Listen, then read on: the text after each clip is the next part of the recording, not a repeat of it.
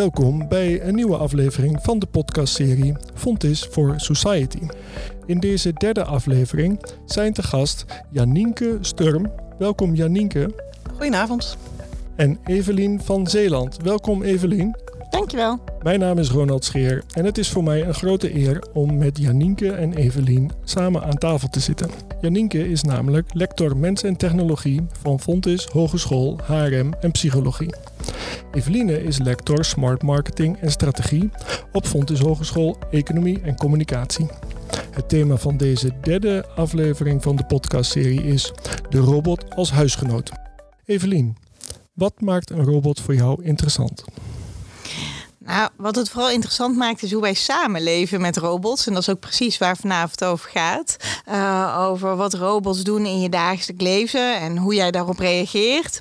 En ja, robots maken ons leven vaak een beetje leuker. Je kan ze programmeren om grapjes te vertellen. Mijn kinderen moeten daar erg om lachen bijvoorbeeld. Je kan robots gebruiken om je leven een beetje makkelijker te maken. Uh, je kan ze helpen om de zorg beter te realiseren. Dus er zijn heel veel manieren waarop je robots eigenlijk je leven een beetje prettiger kan maken. Janienke, als ik aan jou dezelfde vraag stel. Wat, wat vind jij leuk aan robots?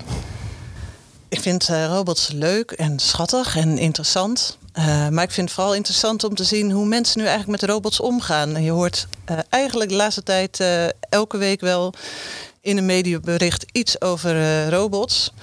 Maar soms lijken ze heel ver weg, maar stiekem zijn ze eigenlijk veel dichterbij dan je denkt. Dat is ook waar we het vanavond over willen hebben.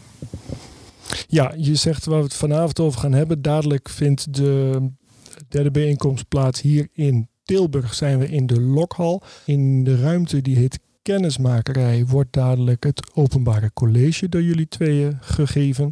En we zitten nu in de naastgelegen ruimte stemmingmakerij. Eveline, kun je eens vertellen wat de mensen dadelijk kunnen verwachten? Het wordt vooral leuk.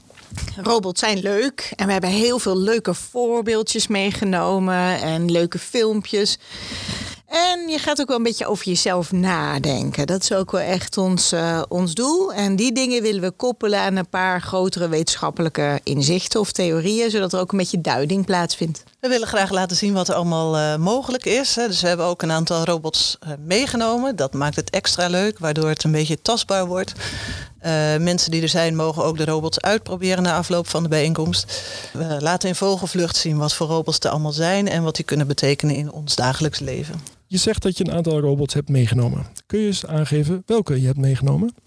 Oei, het zijn er een hele hoop. Nou, één die sommige mensen wel kennen is de Paro. Paro is een, uh, een zeehondrobot. Die is bedoeld voor uh, ouderen met uh, dementie. Die zich soms onrustig voelen, soms eenzaam zijn omdat ze niet veel mensen zien. en Paro kan gebruikt worden uh, als een soort van knuffelrobot. Dus je kunt, uh, je kunt met hem knuffelen. Hij is heerlijk zacht. Hij ziet er super schattig uit. Als je onder zijn hoofdje kriebelt, dan gaat hij knorren. Hij beweegt, hij kijkt naar je. Het is echt een heel fijn, schattig robotje. We hebben ook meer zeg maar functionele robots meegenomen. Ik heb een, een mini-robotarm. Uh, die is niet bedoeld om in een fabriek te staan zoals de meeste robotarmen. Maar deze is bedoeld om, uh, om uh, kinderen eigenlijk te leren programmeren met robots. Is het een dobot? Het is een dobot, ja. De Magician? Yes. En verder hebben we allerlei kleinere robots meegenomen. Sommige zijn gewoon speelgoed. Andere zijn echt meer functioneel op heel veel verschillende vlakken. we hebben eigenlijk geprobeerd een beetje de diversiteit te laten zien. Klinkt interessant. En Evelien, heb jij dan ook uh, robots bij je? Ja, ik heb een speelgoedrobot bij me voor mijn kinderen. Uh, uh, die ze kunnen leren hoe, hoe, hoe je robots kan beïnvloeden door ze bepaalde routes te laten lopen. En uh, ik ga het vooral hebben over de Google Home, ook in de presentatie. Janine heeft er ook eentje meegenomen. Mijn hele huis staat daar ook vol mee. En hoe je daarmee dus samenleeft. wow, daar komen vast vragen zoals als Google de hele dag meeluistert, hoe zit het dan met mijn privacy? Ja. Ja, die komen er. Goeie vraag. Terecht. Terechte vraag. nou, daar raak je eigenlijk wel meteen aan, uh, aan een van onze belangrijke boodschappen. Namelijk dat het belangrijk is om uh, ja, na te denken over wat je nou eigenlijk in huis haalt. Hè, en wat de consequenties zijn van uh, het in huis halen van een robot.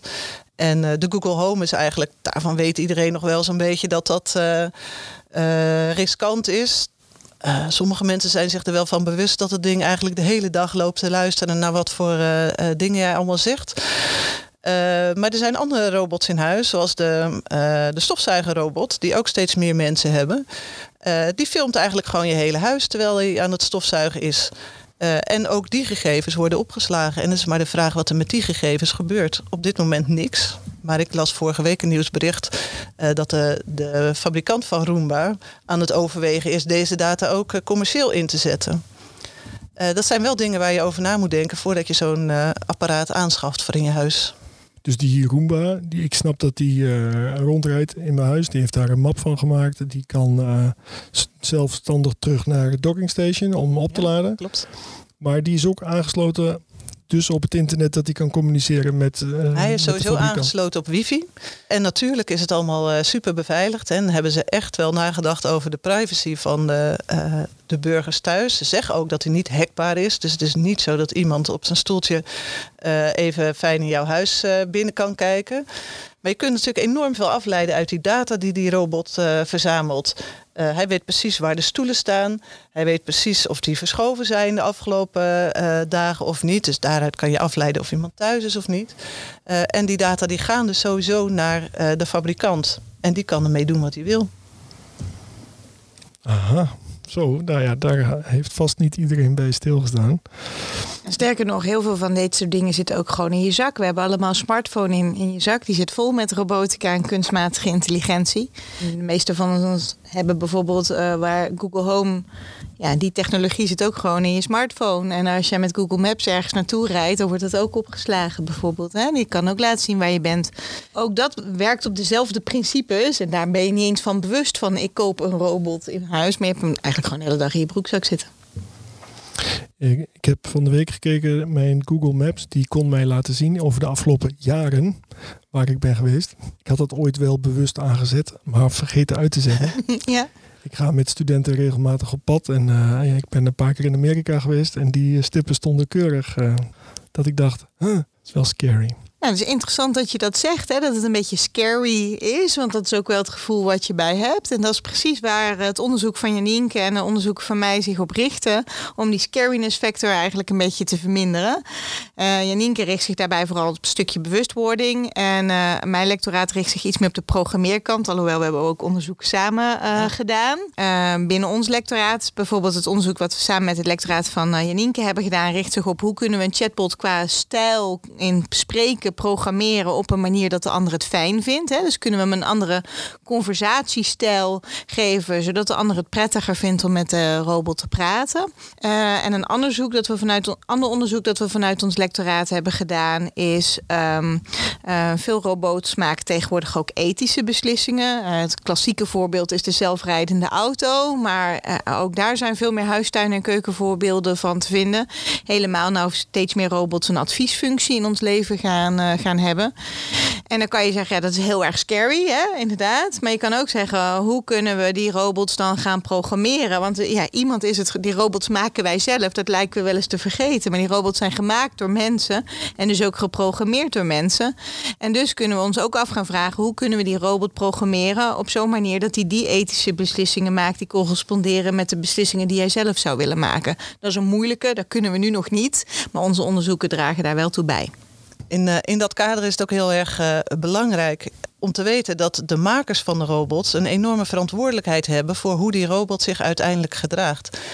Een van onze projecten uh, binnen Fontes gaat over die verantwoordelijkheid. Wij willen studenten leren dat ze verantwoordelijkheid hebben. En we willen ze leren dat het belangrijk is om na te denken over wat zijn nou eigenlijk de consequenties van de keuzes die je maakt als je robots gaat ontwerpen en in gaat zetten. Uh, we noemen dat technology impact. De meeste studenten hebben natuurlijk op zich uh, goede bedoelingen wanneer ze iets bouwen. Ze willen iets beter maken, ze willen een proces versnellen, ze willen iemand helpen. maar het is heel erg belangrijk om na te denken welke keuzes maak ik bij het bouwen. En wat kunnen nog meer effecten zijn van die robot die ik aan het maken ben op de mensen die het, het apparaat gebruiken, of de mensen daaromheen, of de maatschappij als geheel. Um, dus we hebben een tool ontwikkeld, de Technology Impact Tool, die studenten helpt om die vragen, zichzelf die vragen te stellen uh, en er ook antwoorden op te vinden. Dus dan gaan ze nadenken over het ontwerp met zeg maar, dit soort verstrekkende gevolgen vooraf voordat ze iets echt gaan maken?